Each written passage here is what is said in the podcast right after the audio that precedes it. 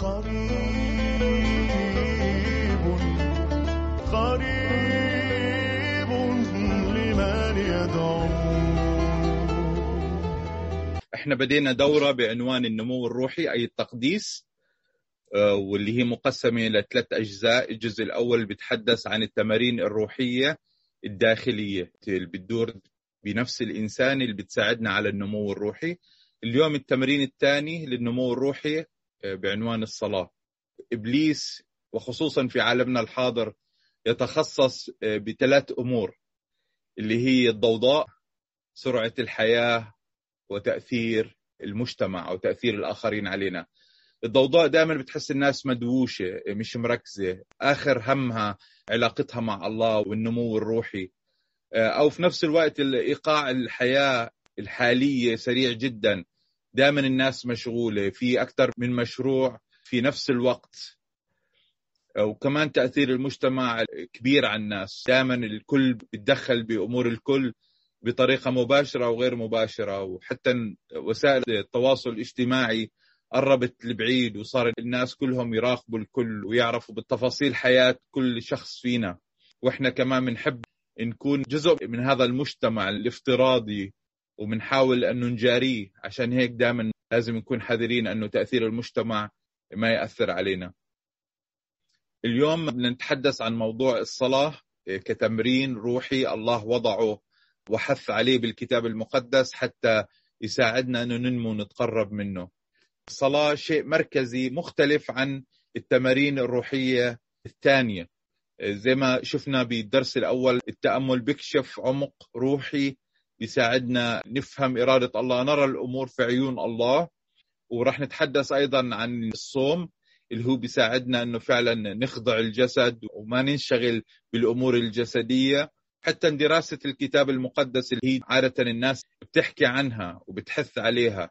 كثير من الوعظات اللي بنسمعها إنه أهمية قراءة الكتاب المقدس بشكل يومي الفهم العميق للكتاب المقدس. اللي هو فعلا بيتيح لنا أن نفهم عمق وتفسير الآيات والهدف منها. ولكن الصلاة هي المركز. الصلاة هي اللي بتقودنا إلى أماكن أعمق وأعلى بداخل الروح البشرية. عشان هيك موضوع الصلاة هو مركزي جدا. الصلاة تدفعنا إلى العمق والتعمق. الصلاة بتدفعنا للتغيير. الصلاة هي بتصنع الحياة وأيضا بتغيرها. عشان هيك اليوم بدنا نتحدث عن موضوع الصلاة بشكل معمق أكثر اليوم الملاحظة الأولى أو النقطة الأولى رح تكون عن الصلاة كأسلوب حياة. بمرقس واحد 35 بيتحدث عن كيف كان الصلاة جزء أساسي من حياة يسوع المسيح لما كان على الأرض. وفي الصباح باكرا جدا قام وخرج ومضى إلى موضع خلاء وكان يصلي هناك. كانت الصلاة جزء من أسلوب حياته. اللي هاي فعلا بتحثنا إنه نتمثل في هالشيء إنه قبل ما نبدأ حتى نهارنا محتاجين نقضي وقت في الصلاة. حتى في تسالونيك الأولى 5 17 صلوا بلا انقطاع. التطبيق العملي إحدى المزامير بتتحدث عن قلب الكاتب. 63 من واحد إلى اثنين. يا الله إلهي أنت إليك أبكر. عطشت إليك نفسي. يشتاق إليك جسدي في أرض ناشفة ويابسة بلا ماء. لكي أبصر قوتك ومجدك كما قد رأيتك في قدسك. بعض المصطلحات المهمة اللي بتعبر عن قلب الكاتب الإنسان اللي فعلا فاهم أهمية الصلاة والحديث مع الله والتقرب إلى الله بقول عطشت إليك نفسي يشتاق إليك جسدي أنه كيف الواحد العطشان المشتاق أنه بحس أهمية بحس بضرورة بحس برغبة تقرب إلى الله. أبصر قوتك أنه من خلال الصلاة الله بيفتح أعيننا حتى نشوف الحرب الروحية وتدخل الله في حياتنا وكيف الله قوي وهو المسيطر والمسير لكل شيء حولنا. يعني محتاجين نصلي حتى فعلا ندرك إنه إحنا مش لوحدنا. أنه إحنا غير قادرين انه نعيش هاي الحياة بقوتنا الشخصية ولكن نطلب تدخل الله من خلال الصلاة أنه بإيده بقوته بإمكانه فعلا يوجهنا حسب إرادته. كما قد رأيتك في قدسك. زي ما تحدثنا بالأسبوع اللي فات عن أنه الله يرغب بدخول إلى قدس أقداسنا. الله واقف على الباب ويقرع بيستنانا أنه نفتح له هذا الباب من خلال التأمل. أنه يدخل ويفرجينا العمق ويكشف لنا أعماق نفوسنا. هنا كمان بنشوف أنه كيف إحنا بإمكاننا ندخل إلى قدس أقداس الله من خلال الصلاة. رأيتك في قدسك. أنه إحنا محتاجين هاي العلاقة محتاجين هاي الصلاة حتى فعلا نتقرب من الله. طبعا الهدف من الصلاة هو التغيير. كمان أنا كواحد متخصص بالإرشاد النفسي إيش الهدف من الإرشاد النفسي والتوجيه؟ التغيير إحداث تغيير. عشان هيك كمان روحيا للنمو الروحي هدف الصلاة إحداث تغيير. أنه إحنا نتغير من الداخل أنه نصبح على صورة الله. في مزمور 139 بيتحدث عن شخص بيعبر عن هاي الفكرة عنده هاي الثقة هذا الإدراك أنه فعلا الصلاة هي مهمة. خلينا نقرأ بعدد واحد. يا رب قد اختبرتني وعرفتني. أنت عرفت جلوسي وقيامي. فهمت فكري. من بعيد. مسلكي ومربضي ذريت وكل طرقي عرفت لأنه ليس كلمة في لساني إلا وأنت يا رب عرفتها كلها. من خلف ومن قدام حاصرتني وجعلت علي يدك. هنا شخص عنده هذا الإدراك الروحي عنده هذا التمييز عنده هاي العلاقة مع الله اختبرتني وعرفتني. يعني فعلا لما تكون أنت في الصلاة أنت مكشوف أمام الله. أنت كتاب مفتوح أمامه. اختبرتني وعرفتني. هون بيتحدث عن كيف انه عرفه بجلوسه وقيامه. حركته اليومية. انه الله موجود ومنتبه ويلاحظ ويراقب ويتابع ومهتم بحياتنا اليومية بكل أمور حياتنا. إن كان جلوسنا أو قيامنا بطريقة تفكيرنا بأفكارنا. فهمت فكري من بعيد. أنه مش بس المعرفة ولكن الفهم. لأنه بنعرف شيء بس مش فاهمينه. عمقه أو أبعاده أو دوافعه. هون بتحدث عن أنه الله يفهم فكرنا. مش بس بيعرف بإيش بنفكر يعني فاهم وعارف دوافعنا وأسبابنا لهي الطريقة من التفكير. مسلكي ومربضي ذريت يعني مش بس أفكاري لا حتى سلوكياتي. كل طرقي عرفت. يعني هذا الشخص بيعبر على أنه زي كأنه الله ما عنده شغلة إلا هو أنه يدقق بشؤون حياته. أنا لما أقرأ هيك يعني بحس أنه زي كأنه الله هو بس موجود أنه يتابعنا ويشوفنا وإحنا شاعرين بوجوده. قديش هاي الفكرة تصلوا بلا انقطاع. إنه مش بس إحنا ندخل في حضرة الله وإحنا مدركين حضوره في وسطنا. الكلام اللي بيصدر عني كله معروف. من خلفي ومن قدامي حاصرتني. إنه أنت حوطتني أنت محيط فيي. كيف اللي بكون محاط بجدار حماية محاط بحنان بعطف وبمحبة وباهتمام. كيف إنه بتقول الأسرة بتحوط الأولاد بمحبتها. جعلت علي يدك. إيد البركة التوجيه. يعني هاي الصلاة بتخلينا ندخل في هاي الحضرة ندخل في هاي العمق بعلاقة مع الله ندرك وجوده ونفهم طرقه. الصلاة هي الوسيلة الرئيسية اللي بيستخدمها الله لتغييرنا على حسب إرادته. إذا كنا غير مستعدين للتغيير رافضين التغيير إن كان وجود مرارة إن كان وجود عدم رغبة بالمسامحة والغفران الصلاة ما راح تكون شيء أساسي في حياتنا الشخصية. الصلاة تخلينا ندرك احتياجنا ورغبتنا في التغيير. يعني أنت لما تجلس وتدخل في حضرة الله من خلال الصلاة مش بس تدرك احتياجك أنك يجب أن تتغير ولكن بصير تتولد عندك الرغبة انه يا رب أنت غيرني على حسب طرقك حتى أتمثل في ابنك حتى أكون تلميذ حقيقي ليسوع المسيح. لأنه هو مقياسنا هو مقياس القداسة. لا يمكن إخفاء دوافعنا القلبية لما نصلي بعمق. دوافعنا القلبية مكشوفة أمام الله. لا يمكننا النفاق ولا التهرب من إرادة الله في حياتنا. نحن كتاب مفتوح أمامه. مرات كثير بنصلي ونطلب شغلات ولكن نشعر أنه الله مش عم بيسمعنا وبعيد عنا. عشان هيك لازم نفحص قلوبنا. يعقوب أربعة ثلاثة تطلبون ولستم تأخذون. لأنكم تطلبون رديئا لكي تنفقوا في لذاتكم. هاي الآية بتقول أنه حتى ممكن أنت تكون بتصلي ولكن تطلب ليس على حسب إرادة الله ولكن تطلب على حسب إرادتك.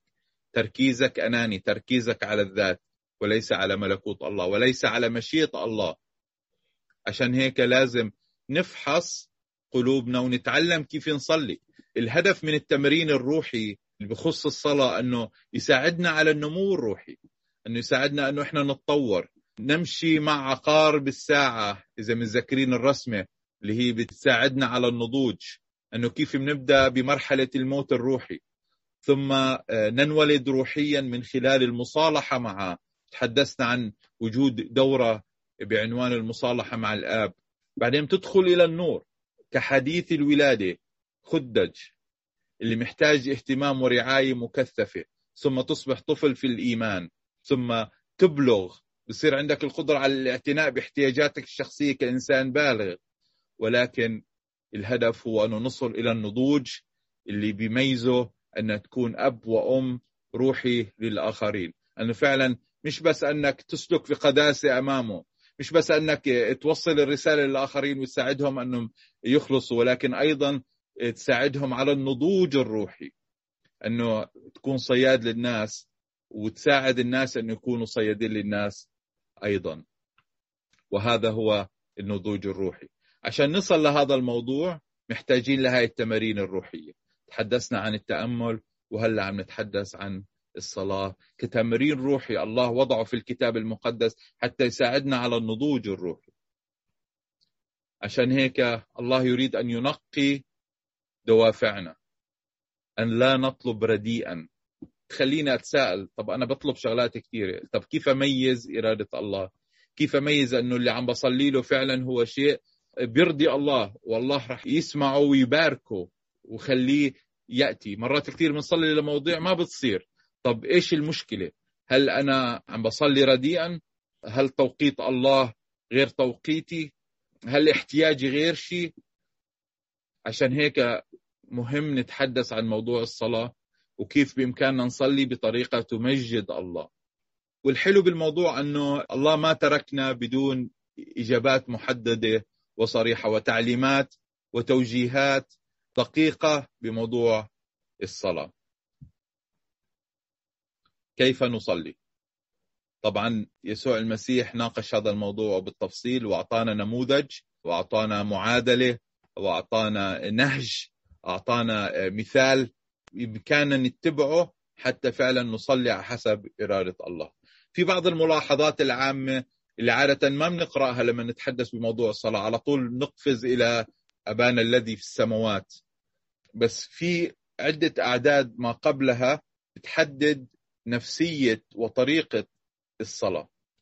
عشان هيك في متى ستة خمسة إلى ثمانية بتتحدث ومتى صليت؟ فلا تكن كالمرائين. هون ومتى صليت؟ يعني يسوع المسيح بتوقع منا الصلاة إنه هاي شيء بديهي مش حتى بأمرنا فيه. بقول لما تصلي كل يوم لا تكن كالمراد عم بقولنا في هناك تعليمات في طريقة للصلاة اللي بتساعدك فعلا أن الله يكون راضي عن هاي الصلاة اللي هي أول شيء ما تتمثل في المرائين. فإنهم يحبون أن يصلوا قائمين في المجامع وفي زوايا الشوارع. لكي يظهروا للناس. الحق أقول لكم أنهم قد استوفوا أجرهم. اللي لفت انتباهي أنه يصلون قائمين في المجامع يعني واقفين عشان الناس تشوفوا في المجامع وفي زوايا الشوارع. مش بس أنه واقف في الشارع لا اختار زاوية حتى ينشاف من شارعين يعني ينشاف من أكبر عدد ممكن من الناس. طب كيف بنعمل هالشيء إحنا؟ يعني أكيد إحنا ما راح نروح ونصلي بطريقة تلفت انتباه الناس في المجامع بس كيف بإمكاننا نتمثل في هالشيء؟ يعني لازم تفكر أنت كيف أنا بإمكاني أكون مثل هذول المرائين؟ الله يتوقع منا الصلاة. الله ينظر إلى القلب أولا. دوافع قلبية نقية. الله يكافئ الصلاة. يستجيب يبارك. يعني كمان هنا في مبدأ كتابي أنه استوفاء الأجر. يعني الله ينظر ويحاسب. بقول هدول المرائين أخذوا الحساب تبعهم. يعني أخذوا اللي بيستحقوه. بس لو ما كانوا مرائين يعني كانوا يجب أن يستوفوا أجرهم. كيف الله بكافئ ويعطي أجر؟ من خلال أنه يسمع يستجيب يبارك يتدخل يغير حتى إرادته ومجرى الأحداث. وأما أنتم فمتى صليت؟ فادخل إلى مخدعك وأغلق بابك. وصل إلى أباك الذي في الخفاء فأبوك الذي يرى في الخفاء يجازيك علانية. هنا بقول بيتحدث عن مكان محدد ومألوف. شفنا أنه كيف المسيح في وقت محدد ذهب إلى الخلاء في مكان بعيد عن الناس حتى يختلي مع الله ويصلي. يعني في مكان مألوف مكان محدد زمان محدد. وبتحدث أنه وصلي إلى أباك الذي في الخفاء أنه هي حوار مع الآب السماوي. كل هاي ملاحظات بتخص الصلاة حتى قبل ما تصلي يعني كيف لازم تدخل نفسيتك؟ كيف لازم تكون لما تصلي؟ أنه الله ينتظر هذه الصلاة بتوقعها منك. الله بهمه قلبك ودوافعك القلبية. والله يريد أن يبارك ويجازي ويكافئ. الله بينتظرك في المكان والزمان المحدد وبده إياك تحكي معاه كأب. وحينما تصلون لا تكرروا الكلام باطلا كالأمم. يعني هاي فكرة التكرار يعني حتى بحضارتنا العربية في فرق ما بين الصلاة والدعاء. الصلاة بناء على الحضارة اللي إحنا عايشين فيها المتأثرة بالديانات الأخرى أن الصلاة هي شيء بتقوم فيه بترتيب معين بطريقة معين بكلام معين بهيئة معينة بقيام وجلوس وسجود معين في تكرار. حتى نحن كمسيحيين في تكرار كثير الوصية الكتابية واضحة. وحينما تصلون لا تكرروا الكلام باطلا كالأمم. فإنهم يظنون أنهم بكثرة كلامهم يستجاب لهم. فلا تتشبهوا بهم. لأن أباكم يعلم ما تحتاجون إليه قبل أن تسألوه. هاي فكرة التكرار ما بترضي ربنا. فكرة أنه أنا بصلي بطريقة الفلانية بقرأ المزمور الفلاني قبل ما أطلع من البيت وأنا بالطريق بقول الصلاة الفلانية مجرد أنه صارت عادة يعني. لما أدخل البيت لما أطلع من البيت لما أدخل السيارة فهذا الشيء ما بيمثل الصلاة الحقيقية. الصلاة في المسيحية في الكتاب المقدس هي حوار يومي ما بيننا وما بين الآب. كمان يسوع المسيح ما بخل علينا أعطانا مثال مثال حي نقتضي فيه.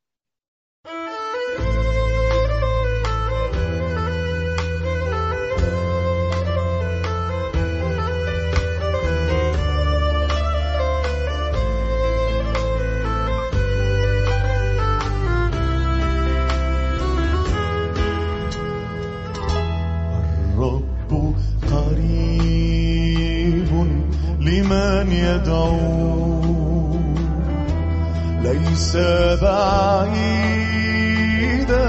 كما زعموا. ليس غريبا عن كل ما تصور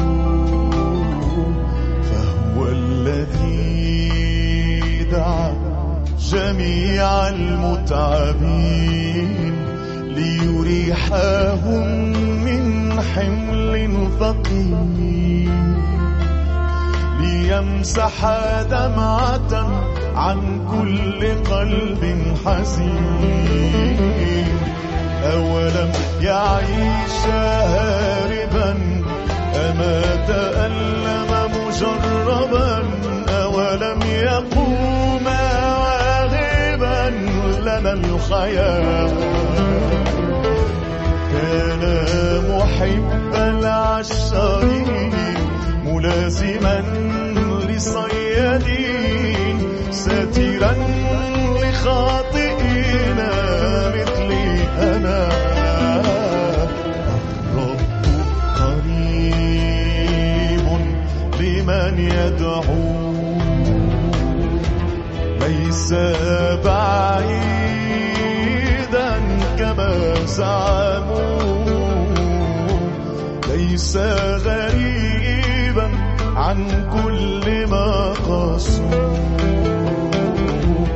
فهو الذي دعا جميع المتعبين ليريحهم من حمل ثقيل ليمسح دمعة عن كل قلب حزين.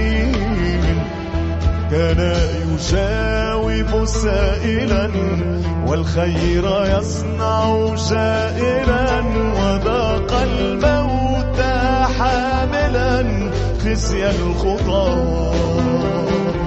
وآلام قبر باكيا في ليلة موته جاثيا رأيته يعرق داميا من الألام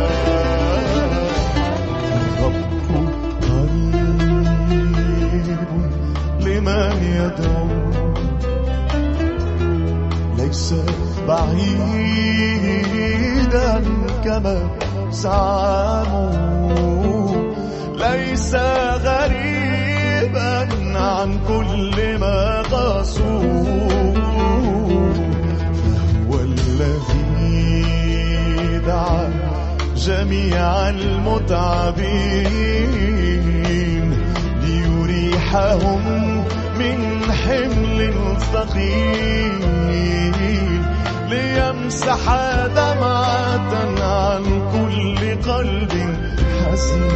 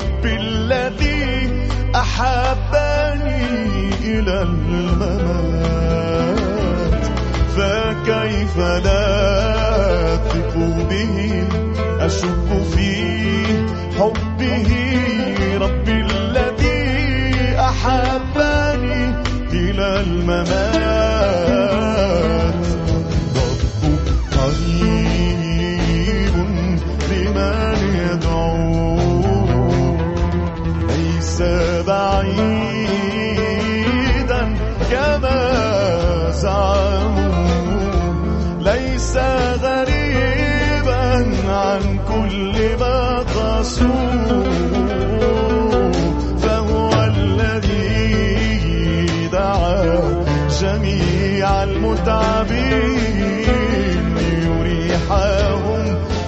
حمل ثقيل ليمسح دمعة عن كل قلب حزين.